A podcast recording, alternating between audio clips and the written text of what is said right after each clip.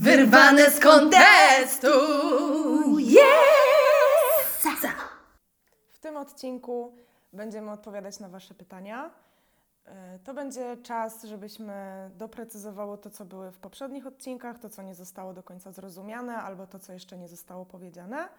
Także zapraszamy Was do słuchania.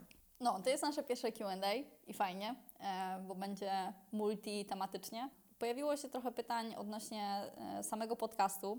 e, Dlaczego to robimy, skąd na to pomysł i o kilka technicznych spraw, więc postanowiłyśmy to, że tak powiem, od, na to odpowiedzieć w jednym, w jednym dropie. No dobra, Fuli, chcesz opowiedzieć, dlaczego robimy podcast? No, podcast robimy po to, żeby umieścić w jednym miejscu naszą wiedzę, e, żeby rozwijać scenę taneczną i e, żeby po prostu nam, tancerzom, żyło się lepiej. Wiemy, że też mało, e, mało jest podcastów tanecznych. Chcemy, żeby tych materiałów rozwojowych było coraz więcej. No i to jest chyba taki główny powód, dlaczego zaczęłyśmy to robić. też trochę się uzupełniło, no nie? No bo też widzimy, że, że jednak ludziom to pomaga, daje im trochę odpowiedzi i inspiruje ich, szczególnie te tematy, które są trochę kontrowersyjne, trochę niewygodne e, i fajnie. I bardzo nas to cieszy, dlatego nam się chce to robić i cały czas to z tym jedziemy i nie zwalniamy. To było o tym dlaczego, a teraz trochę o technicznej stronie, czyli jak to robimy. E, Robimy to bardzo prosto, najprościej tak naprawdę jak się da. Em, używamy do tego dwóch mikrofonów Rode, takich najmniejszych chyba jakie są, czyli takie pchełki przypinane, możemy wrzucić na Instagrama jak to wygląda.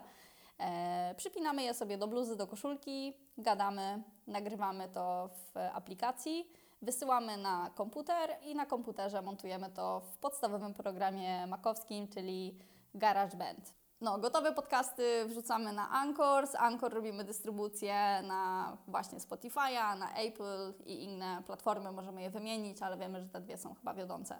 W sumie możemy też powiedzieć o tym, nie? że na początku miałyśmy wybrane 10 tematów, nie? Z czego część odjechała, przyszły jakieś nowe, no bo też fajnie, że nam w ogóle sugerujecie, o czym byście chcieli posłuchać, no a robimy to dla Was, a nie dla siebie tylko, więc, yy, więc chętnie odpowiadamy na to. Ja w ogóle na początku miałam takie przekonania, że nagrywanie podcastu to jest w ogóle strasznie duża sprawa i to musi być strasznie trudne i że to jest w za- w zasięgu bardziej moich marzeń niż rzeczy do zrobienia na teraz. E, Na szczęście Ty nie miałaś takich przekonań. I jak powiedziałaś, że dobra, no to nagrywamy podcast, to byłam taka trochę zdezorientowana. Potem gdzieś ktoś powiedział mi w e, towarzystwie moich znajomych, że fajnie, jakbyśmy, jakbym nagrała jakiś podcast i to się zaczęło po prostu dziać. I e, jakby co, to nie jest trudne. W sensie to nie jest trudne, jeżeli chodzi o tą techniczną sprawę, że naprawdę wystarczy po prostu e, mały mikrofon i, e, i jakaś aplikacja na telefonie, która jest darmowa. No, wystarczy mieć tylko o czym gadać po prostu. No, totalnie. I fajnie też, że nie wczułyśmy się chyba w taką perfekcyjność techniczną, bo byśmy tego nigdy nie zrobiły, nie? A wiemy, że nie zawsze te odcinki są idealnie zmontowane, że tutaj jest jakiś szum, tu jakiś dźwięk, tu jakiś przester. Zdajemy sobie z tego sprawę, totalnie. Ale wiemy, że najważniejsza jest treść i skoro mm, jest, jest ok, to, to wystarczy. No kolejny powód, dlaczego to robimy, to jest nasz rozwój. Też my sobie układamy wiedzę, możemy siebie posłuchać. Bardzo dużo nauczyłyśmy się o swoim, swoim języku, jakiego my języka używamy, jakich zbędnych słów używamy, Jak E, dużo ich jest. jak dużo ich- ich jest dokładnie. E, Też w ogóle słuchanie siebie potem jest bardzo e, dużym wyzwaniem. Jeżeli macie na przykład e, głośnego krytyka w głowie, tak jak ja, który co czas mówi, że coś jest nie tak, to to, to jest dla mnie wyzwanie, więc to jest też dla mnie trening mentalny, nie? No i też pewnie to nie jest ostatni podcast, który robimy, nie? Więc y, nauczymy się grać na pianinie, grając na pianinie. Y, I to jest dla nas y, nowa rola, no bo możemy powiedzieć, że jesteśmy podcasterkami. To, jest, to brzmi jak taka bardzo duża rzecz w ogóle, nie? Że jednego dnia nie jesteś podcasterką, a drugiego już jesteś. Dokładnie. To, jest, to, to dla mnie też była taka duża rzecz, a teraz po prostu to się dzieje. I no, to jest taki kolejny wniosek dla mnie, że po prostu trzeba robić. Nie myśleć za dużo i nie komplikować sobie rzeczy w głowie, tylko po prostu to zrób. Pierwszy krok to rób i działaj. Dobra, przechodzimy do kolejnego pytania. Co sprawiło, że zaczęłaś się zajmować treningiem mentalnym w tańcu? Zaczęłam się interesować e, psychologią i zobaczyłam, jak mi to pomaga w tańczeniu. E, Wiedziałam też o tym, że niektórzy tancerze korzystają z e, takich usług psychoterapeutycznych i, i właśnie psychologicznych i też wi- widziałam, że im to pomaga i widziałam, że są troszeczkę na innym poziomie i potrafią spojrzeć na swój taniec z innej perspektywy. Też kiedyś przyszedł mi taki, takie coś, takie przemyślenie do głowy, że walkę możesz wygrać dopiero wtedy, kiedy wygrasz ją sam ze sobą na parkiecie, nie? Bo często tancerze po prostu jak wychodzą na walki, to walczą sami ze sobą, a w ogóle nie potrafią odpowiadać, nie potrafią być w tu i teraz, więc to jest y, totalnie o treningu mentalnym. No i y, największą inspirację biorę z psychologii y, sportu i z mojej indywidualnej psychoterapii, z choreoterapii, na którą też uczęszczam i w której się też szkolę jako choreoterapeutka. Mm, Stąd też powstał właśnie projekt Pełnia i e, no, totalnie mi się to wszystko klei. Klei mi się to razem z, z moją nową pasją, właśnie z psychologią, e, z coachingiem i no, to jest totalna zajawa, totalna nowa zajawa, która mnie teraz niesie, motywuje i piękne jest to, że mogę tańczyć, po prostu mogę łączyć dwie zajawki w jedną. Nie? Psychologia i taniec i to jest, no to jest zajebiste, po prostu kocham to. W skali od 1 do 10, jak bardzo się cieszysz, że jesteś w tej roli?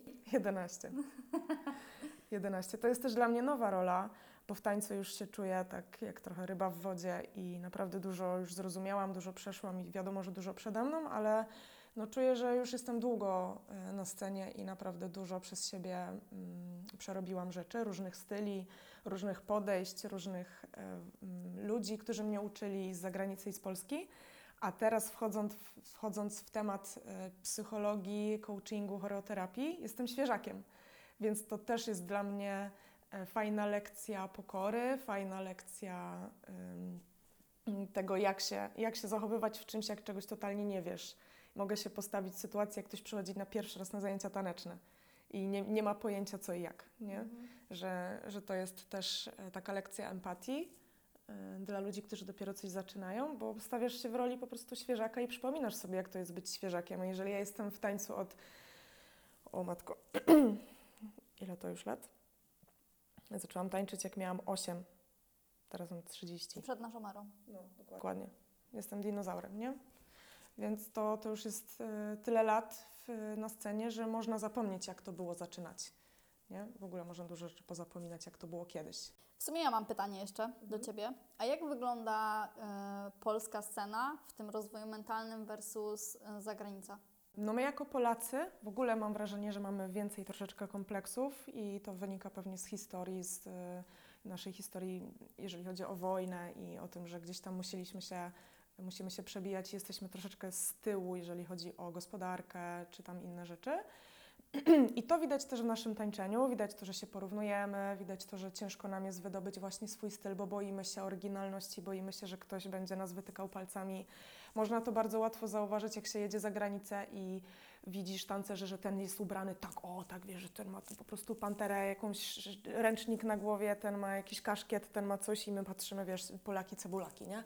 O wow, ale tam ten wygląda tak, ten wygląda tak. Ja pamiętam, jak to przeżywaliśmy z naszą ekipą e, ze Śląska, z naszymi śląskimi tancerzami, że dokładnie tak to widzieliśmy, nie? że to nie było, że to jest jakiś tam kolejny człowiek, tylko wow, jak on wygląda, wow, jak on tańczy, właśnie takie porównywanie się, nie? No, więc y, to jest chyba taki pierwsza, pierwsza rzecz, która się rzuca, że my się bardzo porównujemy do siebie, a za granicą mam wrażenie, że tego, że jest większa wolność ekspresji, że możesz być y, w cudzysłowie dziwny, nie? że możesz robić coś inaczej. I jasne, będą ludzie, którzy to jakoś będą oceniać, ale mimo wszystko jest więcej tam e, takiego pozwolenia na inność. Nie? U nas e, pozwolenia na inność e, jest dużo mniej i wiadomo, że to wynika też od głównych rodziców, czyli polityka. Nie? Ale może nie będziemy wchodzić w tematy polityczne. No ale jakby stąd się biorą przekonania kulturowe, potem to wpływa na nasze domy rodzinne, nasze domy rodzinne wpływają na to, jak, myśl, jak my myślimy, jak się zachowujemy, a to wpływa na to, jak zachowujemy się w tańczeniu. Okej, a za granicą są takie projekty jak projekt Pełnia na przykład? E, widziałam, że jest taki projekt Beyond the Moves. E, on jest trochę o treningu mentalnym, właśnie o tym, e, o zahacza to o jakąś tam psychologię, ale nie wczuwałam się jakoś bardzo mocno w to. Szukałam coachingów tanecznych, znalazłam jeden, więc coś się zaczyna dziać w tą stronę, jeżeli chodzi o, o coaching taki taneczny. E, Ale jeżeli ktoś jest zainteresowany, to może po prostu się zagłębić w psychologię sportu, bo to wszystko jest o tym samym, Okej. nie? Okej, e, kolejne pytanie. Gdzie jest granica między inspiracją a kopiowaniem? O tym trochę mówiłyśmy w ostatnim e, odcinku, czyli To nie ja byłam Ewą. Polecamy, tam właśnie jest dużo o porównywaniu się, o kopiowaniu, o inspiracji i o, o tym, jak e, uczniowie tańczą podobnie do swoich, swoich instruktorów i, i tak dalej. Ale czujemy, że temat jest niewyczerpany i chcemy go dzisiaj troszkę uzupełnić. Tutaj czas na metaforę. Możemy się e, posłużyć tutaj muzyką. W muzyce jest tak, że artyści, którzy e, są początkujący, ale na przykład śpiewają, jak nie mają jeszcze swoich piosenek, no to pracują na coverach, no nie? Czyli po prostu biorą ulubione piosenki, trudne piosenki, e, takie, które też stawiają im wyzwania od artystów i robią cover. I to jest to, że właśnie e, jeżeli ktoś nie ma jeszcze swoich piosenek i swojego albumu, to nie znaczy, że nie ma śpiewać. On po prostu korzysta z treści znanych artystów i wykonuje te treści na swój sposób. Potem przychodzi czas, jest kolejny jakby etap, kiedy zaczyna pisać swoje teksty, pracować z kompozytorami, to już jest dalszy rozwój, no nie? I zaczyna tworzyć swój nurt. E, więc myślę, że, że Beyoncé też robiła covery, nie? Po, po prostu. I e, jak jest instruktor i jest uczeń, no to to jest właśnie naturalne, że, mm, że uczeń będzie podobnie tańczył do swojego instruktora, że instruktor jest dla niego autorytetem, więc będzie się podobnie ubierał, e, że, że może mieć podobną flavę, podobny attitude. No bo no, z kim się zadajesz, takim się stajesz. Najstarsze powiedzenie świata, które jest mega prawdziwe e, i nie ma w tym nic absolutnie złego. Tak, mi się wydaje, że powiedziałaś dokładnie to, jak ja o tym myślę. I też uważam, że nie ma w tym nic złego, że na początku się właśnie w taki sposób inspirujemy naszymi nauczycielami, autorytetami, że to jest e, naturalną rzeczą, że ubieramy się podobnie, że zaczynamy tańczyć podobnie, jeżeli się od kogoś uczymy. Nienaturalne natomiast jest dla mnie, kiedy nauczyciel ma problem z tym, że jego uczeń tańczy podobnie, bo to się po prostu wyklucza. To jest dla mnie sprzeczność. Jeżeli kogoś uczysz swoich ruchów, to nie oczekuj, że on będzie tańczył zupełnie inaczej niż ty od razu, bo to jest e, trochę, mm, trochę nierealne. I e, oczywiście też może być tak, że ktoś nie będzie tańczył tak samo, mimo że się uczy tych ruchów i może, może tak być. Może akurat tak się dzieje i okej. E, Ale w większości przypadków może jednak się wydarzyć odwrotnie, nie? czyli jednak, że będzie ten ruch podobny i że będziemy się podobnie ubierać. I, e, no i to jest, to jest całkowicie normalne. Fajnie jest sobie zdawać sprawę z tego, jakie elementy się składają na to, że mm, ktoś nagle czuje, że już kopiuje, że właśnie jest za bardzo podobny. To jest ubiór, to jest nawet, nie wiem, wzrost, kolor włosów, nie? To jest tak dużo elementów. E, To, czy ktoś się przemieszcza, w którym kierunku tańczy, właśnie, czy ma, czy patrzy w ziemię, czy patrzy przed siebie, nie? To jest, e, no, strasznie dużo elementów się na to składa. Mm, możecie sobie, nie, tak, taki dać challenge. Ja, ja sama na przykład to robię. Ja widzę, że jak ja się inaczej ubiorę na trening, to ja inaczej tańczę, nie? Że po prostu w ogóle nawet ciuchy mi wkładają nową flavę trochę, trochę w taniec, nie? Em, bo mam inną stylówę, więc inaczej się czuję. Jak się inaczej czuję, no to inaczej tańczę. Bardzo naturalny schemat, nie? Więc możecie, możecie też, y, też próbować sobie rzucać takie challenge. I tak jak mówię, fajnie sobie zdawać po prostu sprawę z tego, jaka to jest układanka. Tutaj też wchodzi świadomość e, nauczyciela, trenera, który, jeżeli jest świadomy, na czym buduje swój styl, na jakich narzędziach, nie? Czy, czy ma to poukładane w swoim treningu, że z tego składają się treningi moje, które budują mój styl. Czyli mój styl jest na kole. Że trenuję cały czas na kole i trenuję to przede wszystkim w, w obrotach, w, nie wiem, w rytmice i w parterach. I potem tylko tego uczę na swoich zajęciach, bo tym się jaram i tego uczę, no to automatycznie w cudzysłowie sprzedajesz swój styl. Tak? Czyli możesz się spodziewać tego, że Twoje dzieci będą stylowo bardzo podobne do Ciebie. Nie? Jeżeli jesteś tego świadomy, świadoma i nie chcesz, żeby ludzie tańczyli podobnie do Ciebie, to możesz po prostu te narzędzia ćwiczeniowe, które mówią o Twoim stylu, zachować dla siebie i robić po prostu na tej bazie inne rzeczy. Nie? Czyli prowadzić w podobny sposób zajęcie, tak jak dla siebie trening, ale po prostu na innych rzeczach, może na kwadracie, a nie na kole. Nie? I wtedy trochę chronisz swój styl. No ale to jest, to jest tylko taka podpowiedź, jeżeli ktoś po prostu ma mega z tym problem. Mm, Jeżeli, to jest, y, jeżeli chodzi o ucznia, no to po prostu nie stresujcie się, możecie na początku być podobni i tyle. A jeżeli nie chcecie być podobni, no to e, spędźcie dużo więcej czasu nad e, swoim treningiem, nad, nad wejściem w siebie, nad zastanowieniem się, czy ja wolę koło, czy ja wolę kwadrat, nad zastanowieniem się, jaki ruch jest dla mnie, jaki ruch jest mój, jaki, który ruch jest dla mnie autentyczny.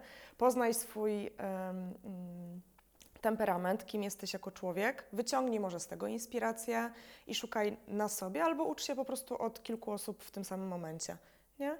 I to też może trochę uchronić przed tym, żeby, że jestem podobna albo podobny. Ewentualnie, nie wiem, ucz się u jednej osoby, a ubieraj się inaczej. No nie wiem, po prostu można szukać w tym, nie wiem, y, jeżeli ktoś widzi w tym sens i na faktycznie nie chce, ba- bardzo się boi być podobnym, to można szukać na to rozwiązań właśnie możliwe, że w taki sposób, nie? Żeby było jasne, to nie jest tak, że my teraz namawiamy do kopiowania, nie?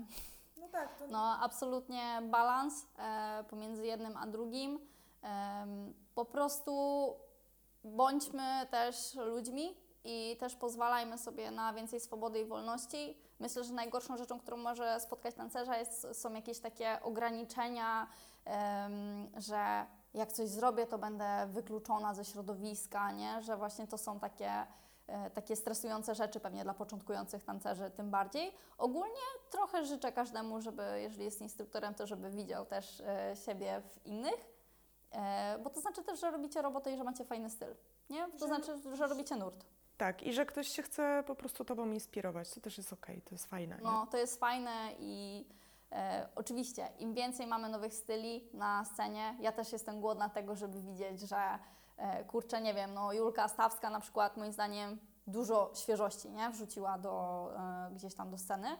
Mm, I na pewno ludzie też będą tańczyć tak jak ona, no nie? I że to jest bardzo, bardzo naturalne. Jak wchodzi nowy nurt w rapie, no to, to mega słychać, nie? że polscy raperzy też brzmią trochę jak zagranica, że, to się, że, że z tego się robią po prostu nowe też gatunki. I bądźmy na to otwarci, ale ogólnie fajnie jest sobie zdawać sprawę mm, z tego też, w którym miejscu jesteście, nie? na tym suwaku. Tak, w ogóle młode pokolenie jest teraz moim zdaniem bardzo silne i dużo jest już tancerzy, którzy po prostu robią swoje.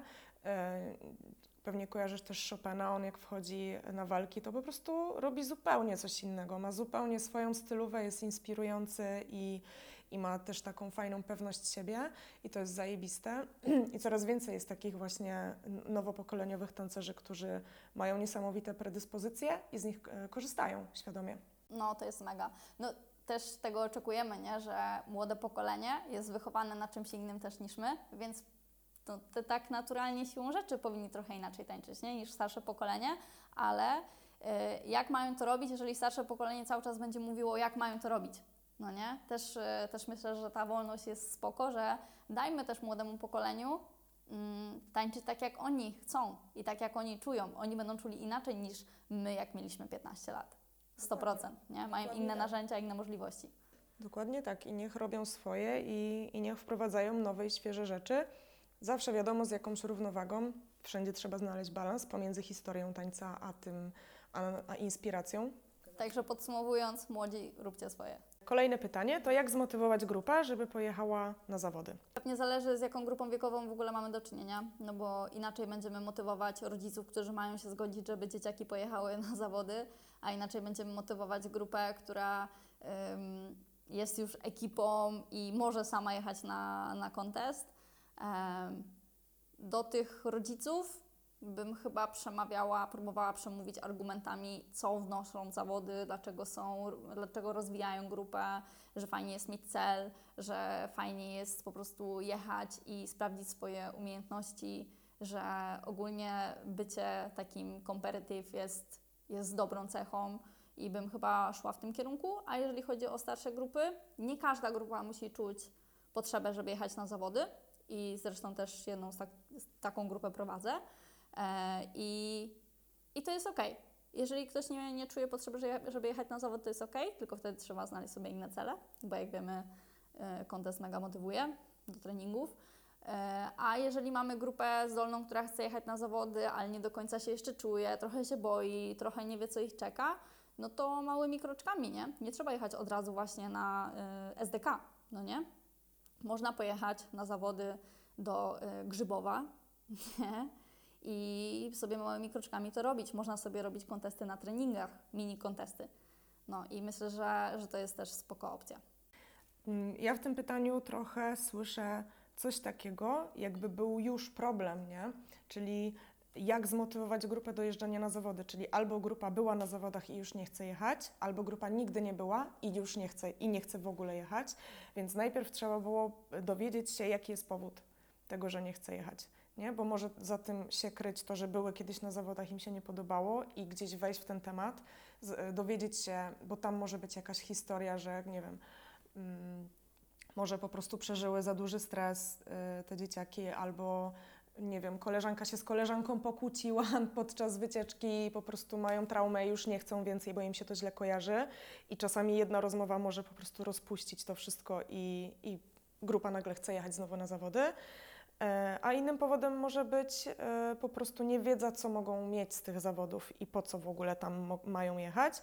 I wtedy fajnym sposobem jest po prostu zastanowienie się samego trenera, co mu dają zawody i co on zyskał, kiedy pojechał na zawody, jakie tam, jakich rzeczy się nauczył i po prostu to przekazać swojej drużynie, swojej grupie. E, I myślę, że to już będzie motywujące. A druga rzecz, kolejna, e, to jest to, co Ty powiedziałaś, czyli zebranie z rodzicami, bo to też zależy, jaka jest grupa wiekowa. Czyli jeżeli to są dzieci, to prawdopodobnie rodzice będą w większości decydować. Oczywiście mogą się zapytać dzieci, czy chcą. Jak dzieci powiedzą, że chcą, no to to już jest inna rozmowa. Jak dzieci, same dzieci mówią, że nie chcą, no to już rodzice też nie widzą sensu, żeby jechać na te zawody, nie? Oczywiście to jest za bardzo zależne, ale rozmowa z rodzicami i wytłumaczenie im, co właśnie dzieciakom przynoszą zawody.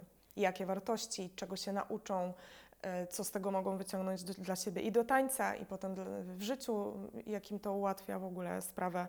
Więc myślę, że to jest po prostu kwestia uświadamiania po co, dowiedzenie się, jaki jest powód, że, że, czemu grupa nie chce jechać, związać to do kupy i po prostu rozmawiać. Mam jeszcze, przyszło mi do głowy coś takiego, że jak grupa nie chce powiedzieć, czemu e, nie chcą jechać na zawody, to może być problem, konflikt pomiędzy my trener, my układ, my stroje, tak? Czyli na przykład grupie się nie podobają stroje, wstydzą się, albo grupie się nie podoba układ, nie? Może się wstydzą, żeby go pokazać na zawodach. Więc może tutaj fajna by była jakaś konfrontacja jeszcze z trzecią osobą, żeby to nie było tylko my, trener, tylko żeby przyszła, nie wiem, jakaś jeszcze osoba trzecia i pogadała z tą grupą. Może ktoś inny wyciągnie inne informacje, nie? To zależy, jaki jest problem. No tak, ciężko odpowiedzieć na to Ciężko pytanie w jednym zdaniu. No. Tak. Jasne. E, dobra, tak kolejne to pytanie to chyba bardziej do Ciebie. Mhm. Jak myślisz, co może rozwinąć house dance w Polsce? No, house dance w Polsce rozwija się ostatnimi czasy, myślę, bardzo, bardzo prężnie i głęboko, Mm, więc on się cały czas rozwija. Jest na pewno tancerzy house'owych dużo mniej niż hip-hopowych. Wydaje mi się, że powód jest taki, że house jest na początku, wydaje się, może trudny. Em, może szybka muzyka. jest, szy- tak, jest szybsza muzyka. W hip-hopie możesz zrobić dwa kroki do przodu, już tańczysz hip-hop i okej.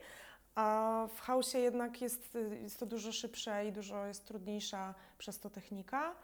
Mm, I e, no moim zdaniem bardzo dużo może rzeczy rozwijać. Ja wpadłam ostatnio na taki pomysł, żeby tworzyć po prostu ekipy house'owe, bo są ekipy hip-hopowe i to jest bardzo motywujący czynnik, bo mam ekipę, jak mi się nie chce, to ekipa mnie ciągnie, jak mi się nie chce, to idę się spotkać ze znajomymi na trening i tak dalej, więc to jest myślę super, super sposób i u mnie to działa.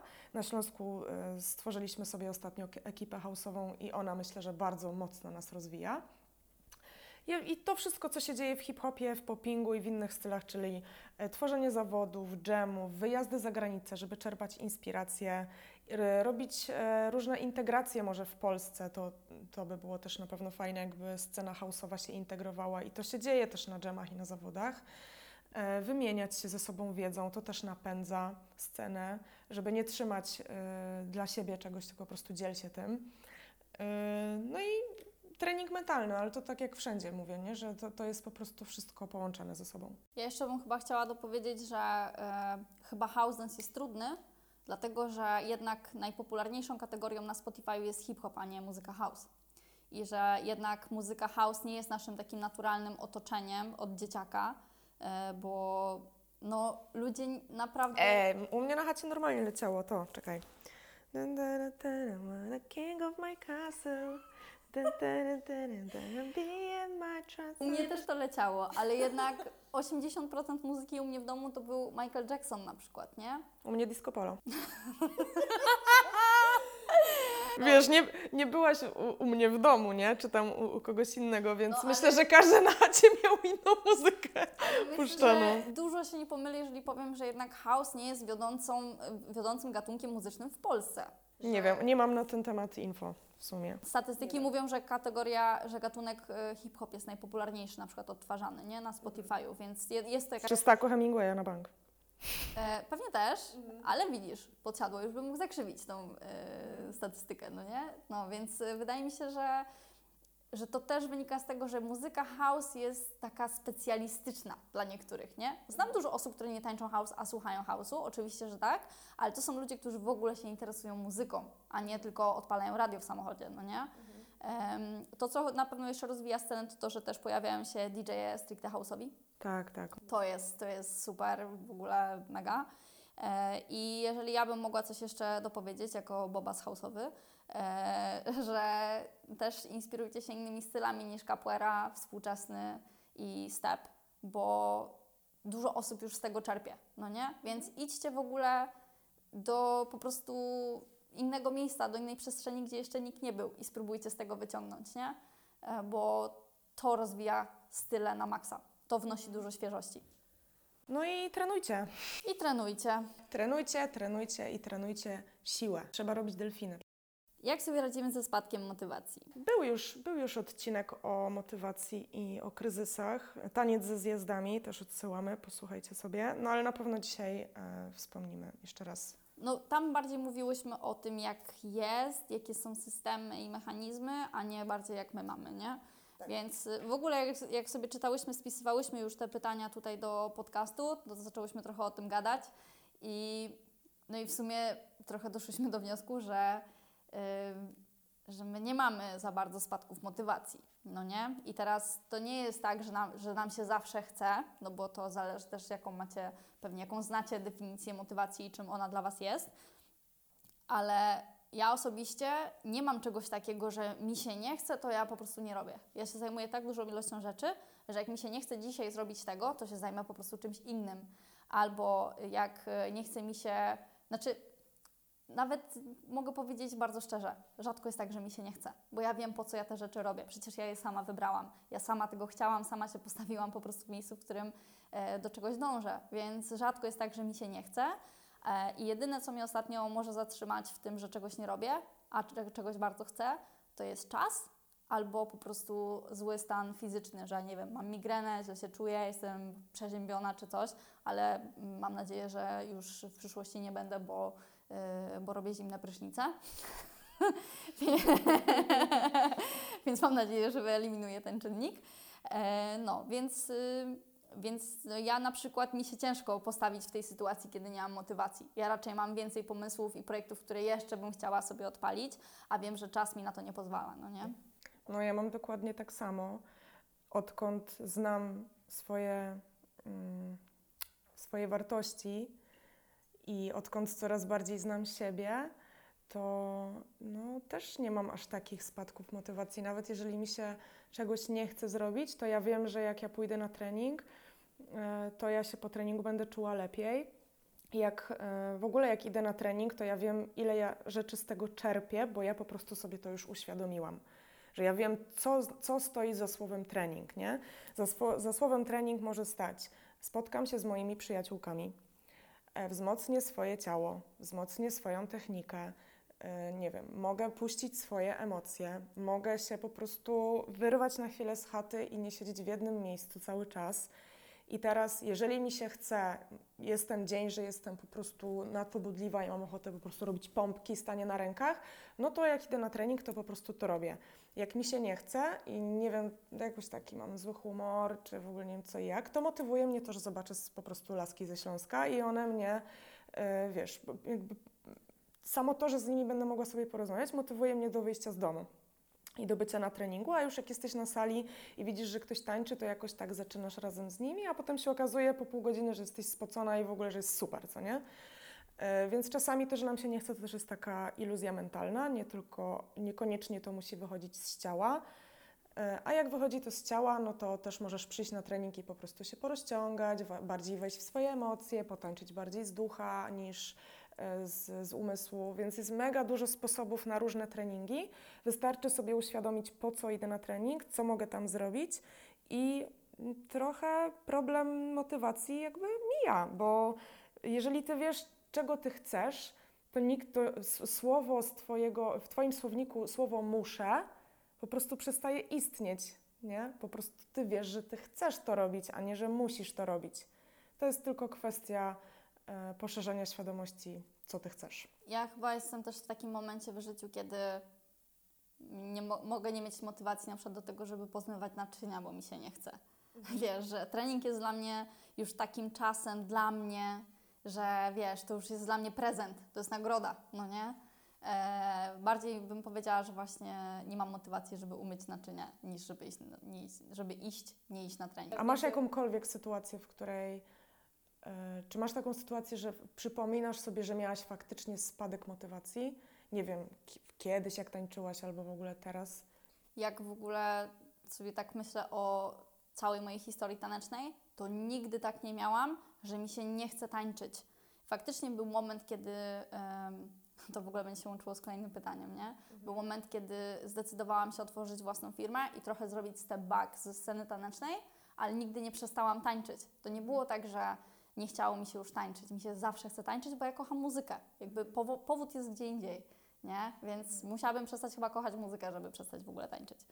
To nie jest tak, że taniec mi przestał dawać w ogóle cokolwiek, tylko startowanie i taki bardzo czynny udział w zawodach tanecznych już nie spełniał moich oczekiwań i moich potrzeb. Już po prostu ja byłam przewartościowana. Potrzebowałam czegoś innego, więc po prostu zdecydowałam się na inny ruch w życiu, nie? I, I to była dobra decyzja, no bo odpowiedziałam sobie na swoją potrzebę, więc się czułam z tym dobrze, nie? Oczywiście, że spotykałam się z krytyką, wiesz, że, mm, że to już nie jest true, nie? I tak dalej, to jest też w ogóle oddzielny temat, ale ja tego potrzebowałam, więc zrobiłam po prostu tak, jak czułam. I nigdy nie, nie było tak, że przestałam tańczyć, zawsze tańczyłam i dalej tańczę, tylko nie startuję w konteście. Kto wie, może jeszcze się odpalę na kontest, bo to, co mi zawsze dawało kontesty, to super adrenalina. Ja lubię w ogóle rywalizację, nie? I lubię też e, stawiać siebie w takiej sytuacji, kiedy no, wiesz, ludzie patrzą, nie? E, lubię to. E, to, jest, to jest super. I może jeszcze to zrobię, ale, to, ale już też taki, takie emocje też jeszcze znajduję gdzie indziej, nie? Też mam nowe challenge. Już są sytuacje, kiedy, nie wiem, prowadzę warsztat ze strategii marketingu i to jest dla mnie też ta adrenalinka, nie? No, więc to nie jest tak, że właśnie przestałam prowadzić warsztaty, po prostu zaczęłam prowadzić warsztaty w nowej dziedzinie. No, ja bym mogła tutaj dać może trzy pytania, takie, które mogą e, trochę popracować nad motywacją i e, zachęcić może Was do takiego bardziej filozoficznego podejścia do życia, czyli w każdą rzecz, którą robicie, zadajcie, zadajcie, zadawajcie sobie pytania, co Wam, po co to robicie, co Wam to daje i jakie wartości za tym stoją.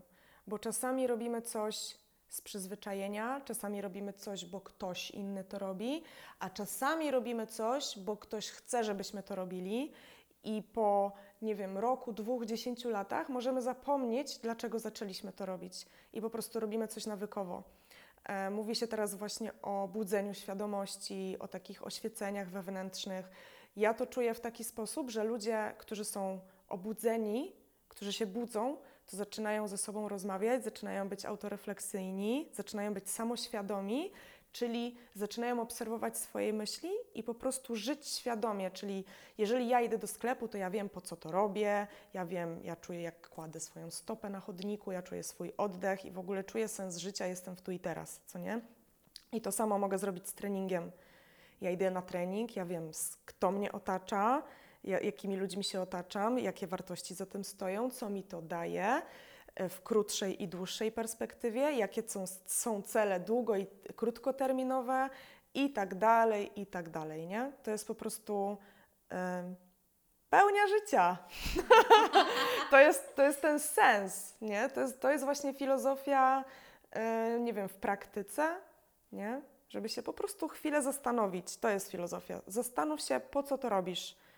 Nie? Często ludzie mają takie filozoficzne podejście do życia, jak są tak zwane sytuacje graniczne, czyli mm, choroba, jakaś ciężka, nie? wtedy jest takie, że życie się zatrzymuje i zadajesz sobie- właśnie te pytania, co jest dla mnie najważniejsze, nie? Co, co, co ja bym chciała tak naprawdę w życiu robić, jakie są moje marzenia, nie? No bo no nie oszukujmy się, życie jest jedno, a czas ucieka. No, można też wyjść z pozycji po prostu zrób to. Nie? Ja tak chyba robię, że no ty też to robisz. Po prostu prostu zrób just to. do it. No, just do it. Zrób to. Idź i to zrób. Widziałam ostatnio taką bluzę e, z Nike, mm, taką różową i tam leżał ten e, Bart Simpson taki na, na, tym, na tej Nike i był taki podpis, czy może ktoś inny just do it?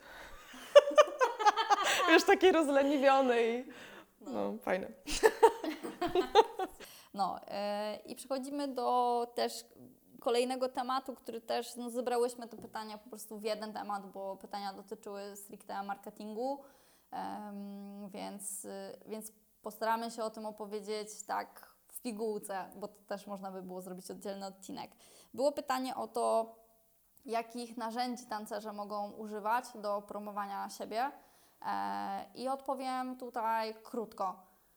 W dzisiejszych czasach macie internet i social media, które są tak szybkim przepływem informacji, że bądźcie tam. To jest w ogóle krok pierwszy. Macie Facebook, macie Instagram, macie YouTube, macie Spotify. Na Spotify'u możecie być na przykład właśnie w roli podcastera, albo możecie być w roli osoby, która tworzy playlisty dla tancerzy, nie?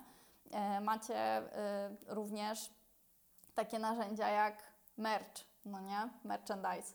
Macie wydarzenia na Facebooku, macie grupy na Facebooku, macie też e, offline, czyli to, jak się prezentujecie w ogóle e, na warsztatach, jak e, załatwiacie swoje sprawy biznesowe z organizatorami, czy macie umowę, czy nie macie umowy, e, czy używacie w ogóle maila, czy wszystko załatwiacie na przykład na przysłowiową gębę, czy e, nie wiem, spisujecie gdzieś te rzeczy. Możecie sobie stworzyć masę narzędzi, które w ogóle Wam pomogą we współpracy nie? z organizatorami. Jeżeli na przykład jedziecie na warsztaty do osoby, z którą w ogóle będziecie się widzieli pierwszy raz w życiu, to ej, weźcie zaliczkę, nie? Albo ej, zróbcie sobie umowę, albo jakieś wymagania, na przykład co do noclegu. Dlaczego Wy nie macie wymagań co do noclegu? No nie? Jeżeli jedziecie prowadzić warsztaty, to robicie pracę fizyczną, psychiczną i jeszcze jesteście w podróży. Mega zasługujecie na to, żeby odpocząć w spoko miejscu, które spełni Wasze oczekiwania i w którym będziecie się czuli dobrze, bezpiecznie i, i tyle, nie? I to jest też ok.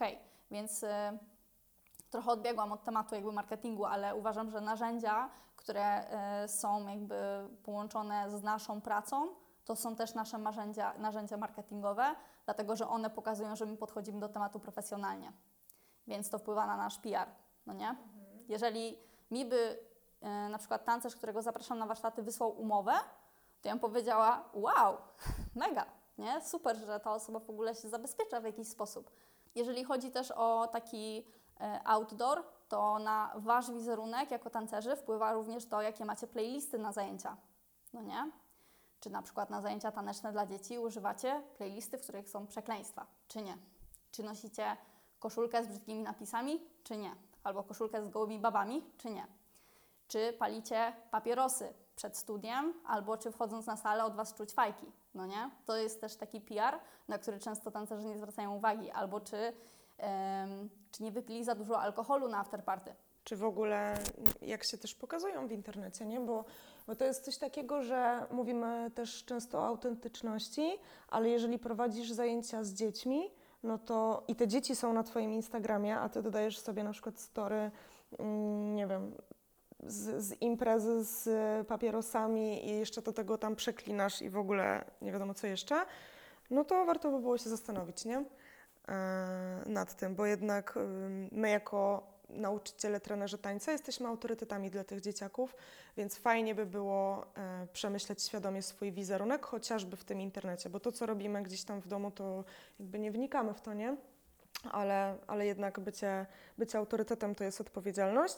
I a propos tego, ym, tego PR-u, E, możecie się zastanowić, jaką osobę wy, jako pracodawcy, chcielibyście zatrudnić. Nie? Czy s- spójrzcie na to, czy właśnie czy się spóźniacie, jaką wy macie komunikację, e, w jaki sposób się komunikujecie z rodzicami, ze swoim szefem, czy mówicie o sobie raczej w superlatywach, czy mówicie o sobie bardziej, że a wiesz, ja tutaj jestem taki, taki szary Tomek i, i po prostu wiesz, ja to tylko tu sprzątam, nie? Bo to też jest ważne, jak, jak wy o sobie myślicie, jak wy o sobie mówicie, no i jaką macie intencję. Znowu wracam do tej intencji, mówię często w e, odcinkach o tym, ale myślę, że to jest właśnie też źródło, bo stąd wychodzi cały wasz potem dalszy proces i uczenia, i, i sprzedaży i tak dalej, nie? Jeżeli ja mam intencję siebie sprzedać, pokazać i po- nakarmić swoje ego, jaka ja jestem fajna i w ogóle niech mnie chwalą, niech mi klaskają i najlepiej to niech rzucają we mnie butami na koniec zajęć, no to e, coś poszło nie tak, nie? Bo to nie jest cel, to nie jest, znaczy to może być cel dla kogoś, ale dla mnie to już to, to nie jest e, dobra idea do, dla nauczyciela, bo mm, dla mnie podstawową intencją to jest nauczyć kogoś tańczyć i przekazać jakieś wartości i przekazać jakąś inspirację, nie? Jaką ja jestem inspiracją, jakim jestem autorytetem dla innych, jak ja ich nauczę tego tańczenia. Czy rozumiesz, nie? że jakby w tą stronę to powinno iść. Więc zastanówcie się, jaka jest wasza intencja. I, e, no i to wszystko potem się ładnie ze sobą mm, będzie kleiło, jeżeli się cały czas spóźniacie na zajęcia. I e, to nie dziwcie się, że na przykład ktoś, e, że macie ten zły PR, nie? I potem nie, nie, nie możecie dostać pracy, nikt was nie poleca. Ja ze swojego doświadczenia wiem i z moich znajomych, że jeżeli jesteś naprawdę dobrym instruktorem, to propozycje pracy na Śląsku masz od razu, wszędzie, bo mamy naprawdę bardzo dużo szkół, bardzo dużo grup i e, jeżeli my wiemy, że ktoś nie spóźnia się, jest zaangażowany, e, Czyżu, Patryk Czyż jest takim instruktorem, Dominika Garbulowska, nie? Paulina Lęczyk, e, Wiola, ale to są akurat kobiety, które mają szkoły tańca, ale na przykład Czyżu no jest tak za, zaangażowanym instruktorem, że Czyżu chyba w jeden rok dostał propozycję i w ogóle jego grupy się tak rozmnożyły, że to jest szok, nie? Więc y, to jest, y, tutaj było widać intencje, z czego to płynie. I to, o czym mówisz, to nie, są, to nie jest efekt instant też, nie? Bo Mhm. przekazanie wartości i nauczenie innych tańczyć to się nie wydarzy w jedne zajęcia, Mhm. no nie? I no za to akurat Ci nie będą ludzie rzucać butów e, po jednych zajęciach, po, po 60 minutach, no niestety. No, em, też jeżeli chodzi o takie narzędzia y, dla tancerzy, to chciałabym zwrócić uwagę na to, że bardzo mało osób ma w ogóle swoją stronę internetową i że wszyscy budują swoje społeczności na Facebooku i na Instagramie. I tutaj tak powiem już stricte jako osoba od marketingu, e, fajnie, fajnie, tylko że te narzędzia i ta baza danych nie należy do Was. Co oznacza, że jeżeli z dnia na dzień ten Facebook i Instagram sobie po prostu się wyłączy, gdzie to jest jeszcze jedna firma w tym momencie, to Wy tracicie kontakt ze swoją społecznością. Więc e, strona internetowa jest od tego, że a, na niej macie 100% w ogóle wpływu, jak wygląda Wasz wizerunek, jaka jest treść, jaka jest kompozycja strony, no bo na Facebooku nie wybieracie sobie, co jest po prawej, co jest po lewej stronie, czy coś jest w kółku, czy w kwadracie, czy w prostokącie. To Wy się musicie dopasować do wymiarów na przykład coveru na, fej- na Facebooku, e, czy do tego, że na Instagramie jest siatka kafelek w te, takim, a nie innym układzie i to jest, no Wy musicie się dostosować, tak? E, więc to jest pierwszy, pierwsza rzecz. Druga rzecz jest taka, że na e, www mo- swoim, na swojej domenie, która należy do Was, możecie zbierać bazę danych, która należy tylko i wyłącznie do Was, więc możecie też zapytać w ogóle ludzi, o co chcecie. Jak chcecie wiedzieć, jaki rozmiar buta mają Wasi tancerze i oni Wam odpowiedzą, to będziecie to po prostu wiedzieć, no nie? Kolejną korzyścią z tego, że macie stronę internetową jest y, oszczędność czasu, dlatego że na stronie internetowej możecie mieć już gotowy swój opis, swoje zdjęcia do pobrania. Jeżeli macie swoją logówkę, to wrzucacie swoją logówkę do strefy download. Możecie mieć tam nawet wzory umów w konkretnej zakładce czy cokolwiek. E, Więc jeżeli do Was pisze jakiś organizator, hej, e, podeślij mi swój opis i paczkę zdjęć, bo tworzymy wydarzenie, no to Ty mówisz, zapraszam na moją stronę i to się już samo robi. Na stronie internetowej też możecie więcej opowiedzieć w ogóle na swój temat. Możecie tam zamieścić e, filmiki z Waszych walk. Możecie tam zamieścić to, co Was inspiruje. Macie dużo przestrzeni, żeby po prostu mm, pokazać, jacy jesteście i w jakim stylu pracujecie. E, To, co jeszcze jest e, fajnego przy stronach internetowych, no to, że ogólnie samo to, że macie domenę i stronę, to jest wasz wizerunek i to buduje większe zaufanie, bo to jest taka mocna sugestia, ej, robię to na poważnie, to jest moja praca, ej, to jest e, coś, co, z czego żyję i jestem przygotowana do pracy, no nie? Więc to jest też e, coś, o czym warto pamiętać. No i na stronie internetowej możecie też zebrać więcej danych na temat e, osób, które ją odwiedzają. Czyli e, wiecie, ile czasu na konkretnej zakładce ktoś spędził, skąd on przyszedł, jaka jest mapa cieplna strony, czyli na której sekcji, w ogóle na samej stronie ktoś e, więcej czyta albo więcej ogląda, no nie? Więc e, macie masę dodatkowych danych, a dane, tak jak, jak już też rozmawiałyśmy w poprzednim odcinku, no to jest coś, na podstawie czego wyciągamy wnioski, a na podstawie wniosków możemy za, zaplanować kolejne działania. No, jakbym miała powiedzieć, co jest jeszcze narzędziem marketingowym dla tancerzy, to bym powiedziała, że jest to produkcja foto i wideo. Wideo stanowi e, najskuteczniejszą w ogóle formę przekazu w internecie, dlatego że działa na więcej zmysłów i no jest po prostu ciekawa, tak? 20 w ogóle 5% materiałów wrzucanych w sieci to jest, e, to jest produkcja wideo, więc to jest całkiem, całkiem sporo. Produkcja foto to jest e, opłacenie sesji zdjęciowej, zrobienie jej i wymyślenie sobie, gdzie ja będę używać tych zdjęć, nie?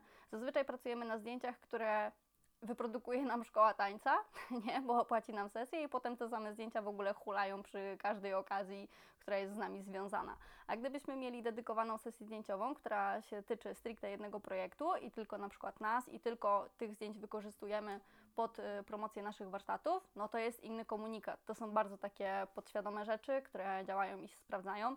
No tak jak możecie też zauważyć, jeżeli Ania Lewandowska robi sobie sesję z Adidasem, to potem tych zdjęć nie używa we wszystkich kanałach dystrybucji, no nie? Tylko to jest, są zdjęcia, które mają licencję stricte na kampanię Adidasa. No i to nie jest przypadkowe, to wszystko ma sens. Tak samo jest z materiałami wideo. Na materiale wideo możecie zyskać jeszcze więcej, dlatego że macie dodatkowe bodźce. Macie muzykę, macie ruchomy obrazek i to jest coś, co mocniej angażuje Waszych odbiorców w to, że oni spędzą na tym więcej czasu i możecie przekazać na tym materiale wideo, co chcecie. Na materiale wideo, wideo możecie tańczyć, możecie też coś powiedzieć. No nie, na zdjęciu nie mówicie. Więc y, tak to wygląda. Warto zainwestować w fajną, jakościową produkcję foto i wideo. Jakość to też y, jest coś, na co no, no zwracajcie na to uwagę, bo to nie o to chodzi, żeby sobie zrobić nagrywkę telefonem, chociaż można zrobić fajną nagrywkę telefonem i dobrze o tym wiemy. E, Ale serio, pracujcie z ludźmi, którzy się na tym znają, którzy Wam też podpowiedzą, o której godzinie nagrywać dobry content na przykład, w jakiej lokalizacji, jak to obrobić, jaki zrobić color grading. To wszystko ma znaczenie, no nie? Mm, Z takich jeszcze dodatkowych narzędzi, z których moim zdaniem tancerze mogliby korzystać, żeby sobie trochę ułatwić pracę, jest na przykład Trello, czyli e, no jest to taki planer, no jest to taka platforma, która w ogóle jest darmowa i na której możecie sobie lepiej organizować zadania i czas. Tam możecie zbierać swoje pomysły, inspiracje, linki, wszystko. Do Trello, do swojej tablicy możecie też zaprosić osoby, które z Wami współpracują co też wpływa na Waszą korzyść i jest to duża oszczędność czasu. Kolejnym takim narzędziem jest Dropbox, czyli miejsce, w którym w ogóle zbieracie swoje materiały, swoje filmiki, swoje walki. Wyobraźcie sobie teraz, że macie Wasze filmiki z walk, nie? W ogóle wszystkie, wszystkie Wasze filmiki z walk. Czy Wy macie je na dysku? Czy to oznacza, że jeżeli YouTube na przykład wszystko usunie któregoś pięknego dnia, to Wy nie macie w ogóle ani jednej pamiątki z Waszego życia tanecznego, no nie? Smutne, co nie? Warto o tym pamiętać i gdzieś tam sobie to pobierać, zbierać i utrzymywać w jakimś dedykowanym do tego miejscu. Mail. Mail jest też super profesjonalny i w ogóle bez tego no myślę, że nie byłoby biznesu, tak na dobrą sprawę. Praca na mailu, na tym, żeby w ogóle wiedzieć, jak się konstruuje maila, żeby mieć na przykład stopkę mailową i jakieś takie rzeczy, no to to jest, to jest petarda, no nie? I możecie też przygotować swoją ofertę taneczną. Po co? Po to, żeby wrzucić tam na przykład Wasze wymagania względem stawki, względem tego, gdzie chcecie spać, jakie chcecie mieć wyżywienie. To nie jest nic złego. Ja uważam, że to jest super opcja i wiemy, że wszyscy się traktujemy poziomalsku, bo wszyscy się znają na scenie tanecznej, ale im poważniej będziemy to traktować, tym wszyscy będziemy mieli lepszą jakość życia. I to nie jest jakieś niepotrzebne.